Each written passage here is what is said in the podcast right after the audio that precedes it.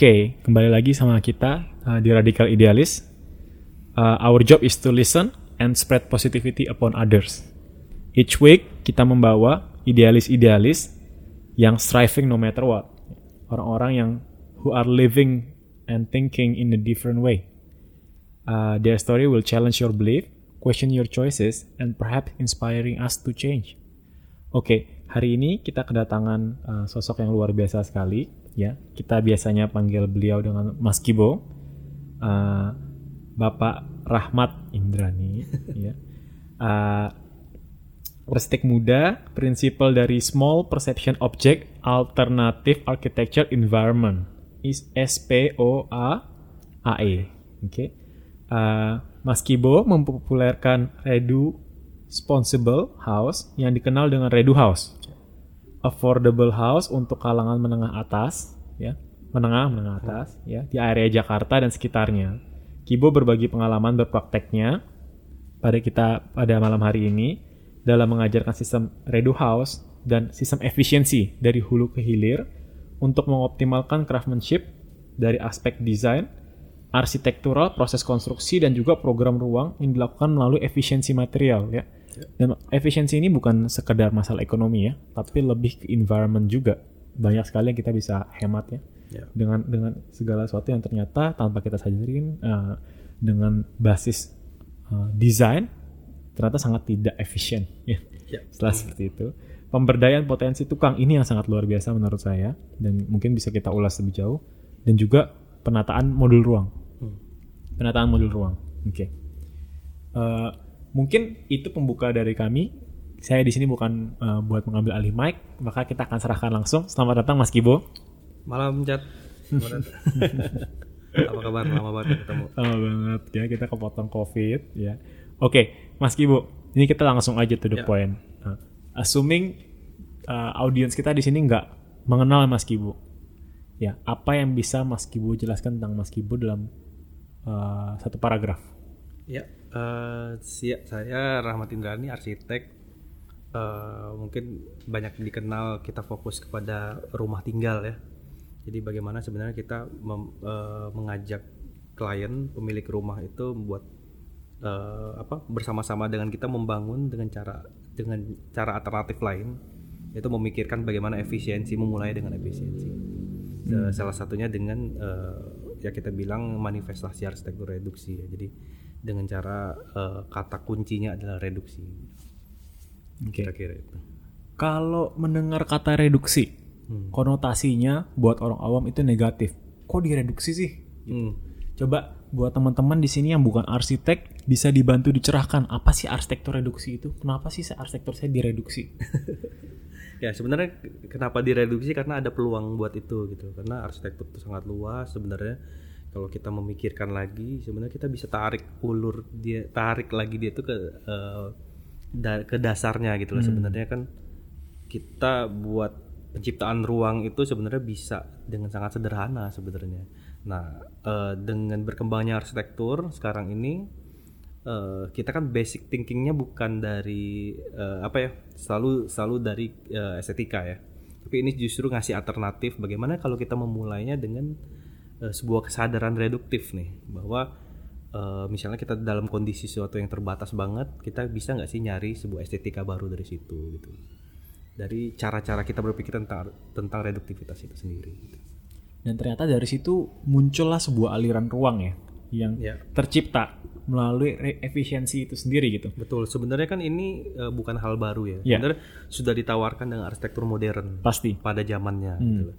Eh, tapi di, di, eh, arsitektur berkembang terus sampai ke eh, sampai ke ya tahap sekarang ya kontemporer ini ya. Jadi eh, justru hal itu ternyata banyak korbannya. Salah satu tentang lingkungan dan juga eh, apa ya membuat arsitektur itu jadi nggak ekonomis gitu. Hmm. Nah, arsitektur reduksi coba balik lagi tuh. Ngajak kita balik lagi ke dasar-dasarnya ke arsitektur modern tadi itu dengan cara berpikir itu dengan eh, zamannya yang sekarang gitu. Sebenarnya kan Indonesia sangat terlambat ya sebenarnya. Jadi belum belum benar-benar merasakan arsitektur modern tiba-tiba harus ditimpa lagi dengan arsitektur kontemporer. Cepat banget. Hmm. Kita juga sampai nggak bisa menjajah sebenarnya arsitektur modern tuh udah udah cocok nggak sih dengan kita atau apa gitu deh. Nah, itu alternatif yang dikasih dikasih Redua seperti itu. Coba kita tarik lagi nih. Jangan-jangan kita punya peluang buat estetikanya justru bisa dapat di situ. Karena udah ditawarkan sangat bagus banget dengan arsitektur modern. Tapi ba- bagaimana sebenarnya arsitektur modern itu konteks dengan kita di iklim tropis. Peluang-peluangnya seperti apa gitu. Karena arsitektur modern kan lahir di negara Eropa yang subtropis. Sementara ketika di iklim tropis ternyata punya peluang yang jauh lebih lebih baik daripada di negara asalnya mereka menemukan gitu.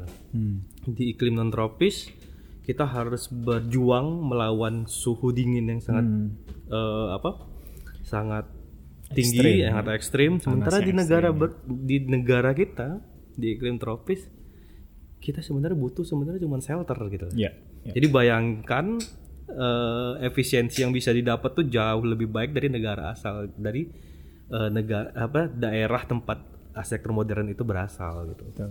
Jadi kita nggak usah bicara soal uh, layer of insulation ya, Iya, dasar gitu betul. biasa banget ya, dasar gitu. Jadi kita bisa mengeliminate salah satu faktor.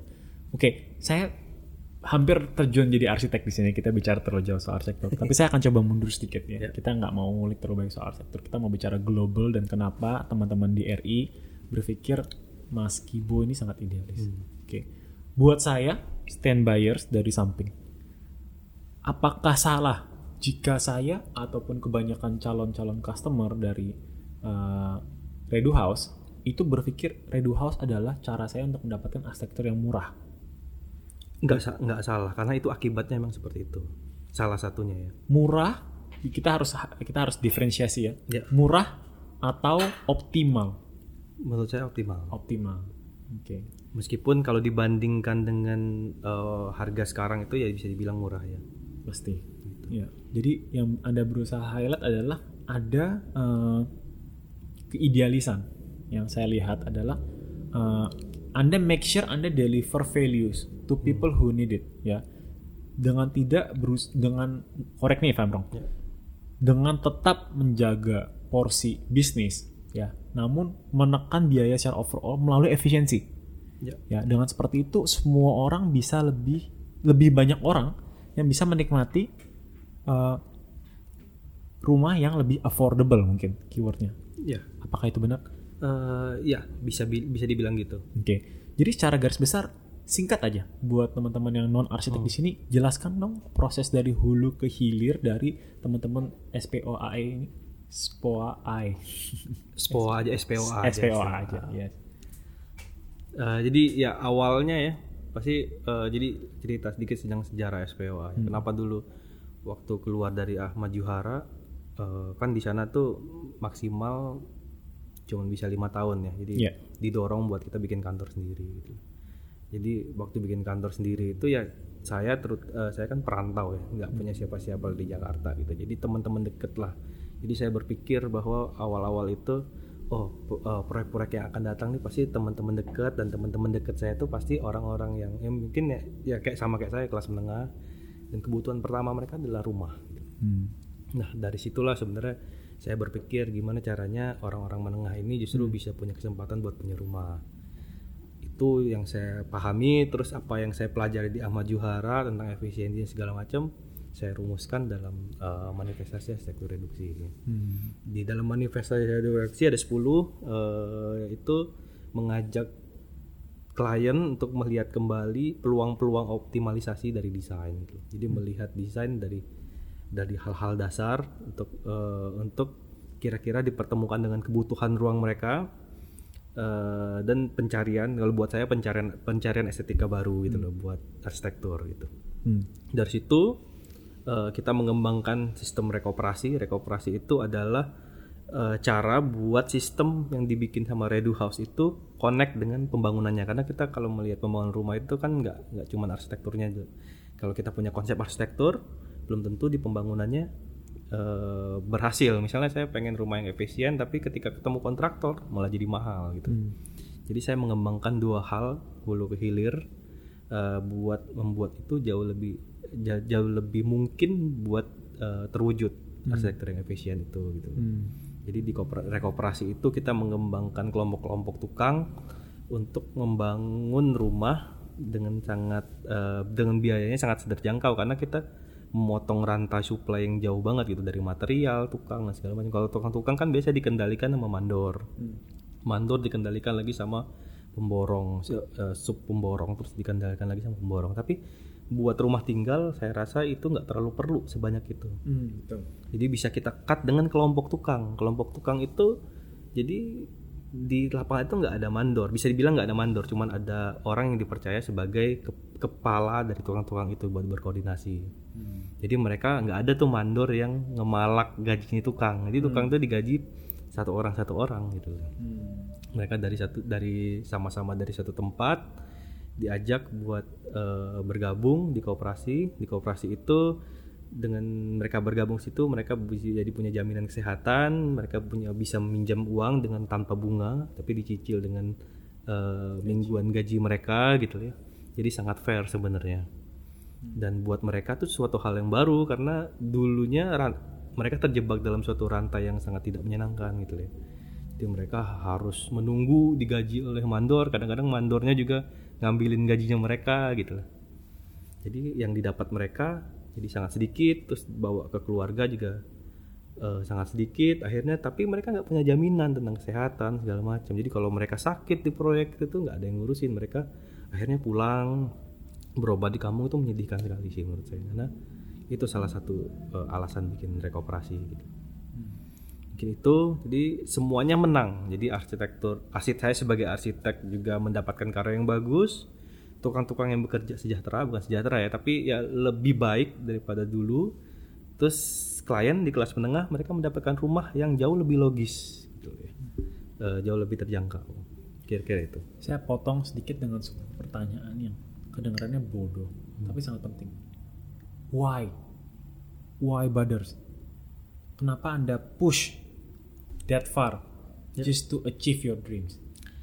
Gini cat, eh, saya tuh dulu itu sebenarnya kejadian yang sangat nggak menyenangkan buat pengalaman saya di masa lalu gitu. Eh, ibu saya single parent, kita eh, dia punya anak saya dan adik saya. Kita tuh baru punya rumah, umur ibu saya tuh 55 tahun. Hmm. Bayangin sulitnya punya rumah. Sulitnya juga karena bukan ini ya, jadi karena menunda buat punya rumah. Jadi saya saya berpikir bayangkan kalau ibu saya dulu punya rumah justru di di di, tem- di era yang lebih cepat. Justru bikin bi- dia bisa agak-agak tenang sekarang gitu. Tadi tapi nggak eh, kita tuh nggak punya kesempatan buat bikin rumah lebih cepat gara-gara harga rumah tuh terlalu tinggi gitu. Dan kalau nabung-nabung terus ya inflasi terus ya tambah-tambah gitu, tambah lama, tambah mahal lagi gitu ya hal itu yang yang ketika saya membuat rumah ya ketika memulai studio ternyata berpikir oh kayaknya ini ada masalah yang sebenarnya Ada sangat, fenomena. sangat- sa- ada fenomena yang sangat serius tapi nggak pernah ada yang nggak pernah ada yang nyentuh gitu loh Sampai berapa redo house baru Anda sadar, oh, I found it. I found the answer. Eh, mungkin ada satu yang menggelitik ketika Reduas berapa gitu Reduas 13 ya Reduas 13 itu benar-benar mereka kayak punya rumah terus berterima kasihnya luar biasa gitu ya. Karena itu emang benar-benar mimpi mereka sama eh, mimpi mereka yang cukup besar gitu dan menabungnya itu juga sangat lama banget. Ya gitu. Dan ternyata bisa punya rumah itu tuh kayak kita sampai sekarang sama klien-klien Reduas yang lain juga kan berhubungan baik sangat baik gitu ya sudah kayak keluarga gara-gara ya sebagian mimpi mereka akhirnya terwujud gitu loh. Itu yang membuat gue juga puas gitu ya gue inget gue jadi inget kayak masa lalu gue dulu sama ibu gue gitu kita waktu punya rumah tuh seneng banget tuh Nilai sentimentalnya kuat. iya buat gue sih itu eh ya masing-masing orang beda mungkin tapi buat gue tuh nggak tahu ya gue seneng banget gitu Ada yang bilang, correct me if I'm wrong, Hmm. semakin sedikit yang dia punya, semakin dia berusaha menjaga yang dia punya. Oke, bagaimana ini ditranslatekan dalam dunia arsitektur adalah berarti Mas Gibo banyak berhubungan dengan uh, klien-klien yang sifatnya middle class, hmm. ya kan? This is all I have. ya I'm trusting this in you. Oke, apakah itu membuat uh, customer ini lebih demanding? Apakah rata-rata in general? Ya, karena because this is everything I've got. I got check on how's the progress. Uh, tiba-tiba belum kalau kita bicara rumah kan ada personalnya pengen ganti nggak jadi deh setelah saya pikir-pikir nggak yakin deh Hmm. gitu Nah, justru di kelas di, di kelas menengah ya, terutama graduasi itu itu nggak ada kayak gitu. Justru Tidak mereka terjadi. tuh eh, yang penting ya dia tuh sebenarnya punya rumah juga bersyukur, Cat. Jadi nggak kalau misalnya sebenarnya yang kayak gitu tuh misalnya kita klien kita punya apa eh, misalnya lebih lebih punya uang ya misalnya. Nah, itu mereka pasti akan kayak gitu. Tapi mereka buat mereka yang terbatas dikasih reduas itu udah, udah senang banget gitu. Hmm. gitu yang men- kepercayaan itu sih menurut gua tuh eh, akhirnya bisa membuat proyek-proyek reduas tuh lancar gitu. Ada juga yang ada juga yang enggak karena biasanya kayak enggak itu kita kurang kurang mengkomunikasikan aja prosesnya gitu. Karena dari awal kan di kita udah kasih edukasi ya bahwa semakin eh, banyak keinginan justru semakin mahal gini-gini. Jadi logika itu di awal udah dikasih tahu dulu tuh. Hmm. Banyak Itu- hal. itu susah banget tuh Iya, betul. meng- mengkomunikasi itu di awal tuh effort Terutama yang paling susah tuh tentang ya ini. Kalau salah satu manifestasi dari Reduhas kan tentang ketinggian plafon kan. iya Nah itu sulit, banget orang menerima karena eh, pikir mau rumah murah nih kalau betul. pendek gitu ya Karena eh, di pengalaman mereka di di kehidupan sebelumnya ya di eh, ke- keluarga mereka bahwa rumah yang bagus itu adalah rumah yang tinggi gitu. ya. Nah sebenarnya kan ada pengetahuan yang salah gitu ya Hmm. di masa lalu di pemikiran-pemikiran generik dari generasi kita sebelumnya gitu. saya punya banyak banget pertanyaan cuman karena waktu saya harus mendistil jadi sesuatu yang sangat penting oke ketika anda bilang redo house berarti kan untuk affordable affordable-nya bukan dari merusak bisnis tapi affordable-nya memotong ketidakefisienan ya dari tu- dari sistem pertukangan sampai juga bahan sampai dengan sistem waktu segala macam ya. Mungkin itu bisa ditanya langsung. Yang pengen tahu lebih jauh bisa follow Mas Kibo dan juga eh, SPOA luar biasa banget. Eh, yang saya mau tanyakan utamanya adalah gini apakah benar ya Redu House ini mensupport housing for all? Eh gue masih belum. Menurut gue masih bisa jauh di push. Karena klien-klien gue itu orang yang cukup mampu juga punya rumah gitu loh, Chat. Dan gue tuh sempat sedih ya karena beberapa beberapa klien tuh emang belum bisa gue bantu gitu loh. Hmm. Kalau misalnya budgetnya bener-bener press banget, misalnya kecil emang kecil banget dan juga itu emang nggak bisa naik lagi gitu loh. Dan ternyata itu banyak banget. Hmm. Makanya mimpi gue selanjutnya adalah bikin Reduas Mikro itu yang justru bisa mensupport kelas menengah bawah lagi. Redu House Micro Reduas Mikro interesting itu justru yang bikin ya, dari prefab justru bisa dipakai semua orang gitu ya. Nah, kalau Reduas sendiri menurut gue tuh kelas menengah lah. Dan ternyata emang banyak kelas menengah tapi di bawah itu lebih banyak lagi, Chat. Itu kalau kalau gue sempet gue sedih banget sama diri gue ya karena gue banyak banget yang nggak bisa gue bantu gitu. balik lagi tentang poin itu Ya. ya ini kalau saya melihat ini level idealismenya ya Hmm. karena ini selalu ada konflik di sini oke konflik antara idealisme ya untuk bisa menyebarkan sebanyak banyaknya in my lifetime kan rumah affordable dan bagus quality Hmm. affordable house that's the word tapi di saat yang bersamaan untuk Mas Kibo sendiri ya although it's a good business tapi along the time you mature ya kita sebagai jasa kita menukar waktu dengan uang Ya. Artinya eh, semakin lama waktu Anda semakin berharga. Ya. Bagaimana caranya Anda bisa menjaga prinsipal ini dan making sure bahwa even semua rumah itu harus melewati tangan Anda. Anda nggak akan membanggakan harga untuk ngambil extra profit because you are more experienced. Ya. That's the human nature. Can you explain a bit about that? Eh, itu juga perdebatan yang sangat sulit juga buat diri saya sendiri ya Chat. selama lima tahun ini akhirnya kan ya betul benar kata lo jadi semua skill meningkat eh, waktu juga kita butuh lebih banyak gitu ya dan kadang-kadang emang terlintas ah apa gue tinggalin aja ya ini gitu lah tapi But can you? ya gue Kan sempat udah sempat mendarah kepikiran. daging banget itu jadi Betul. sebuah sebuah filosofi. betul eh ya itu jadi secara bisnisnya juga harus lebih efisien gitu jadi sebenarnya awalnya eh, SPOA dan tim-tim kita di itu emang emang sangat efisien Hmm. Jadi kita juga sangat efisien. Jadi eh, ya ibaratnya kan kalau kita menimbang-nimbang soal ekonomi, eh, makin gede juga harus makin efisien di bawahnya supaya harganya itu bisa support terus gitu loh ya. Hmm.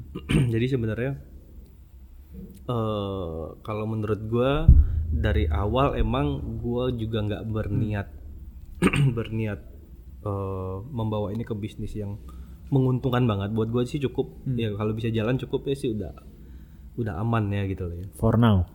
for now ya nggak nggak tahu. be idealist forever? betul.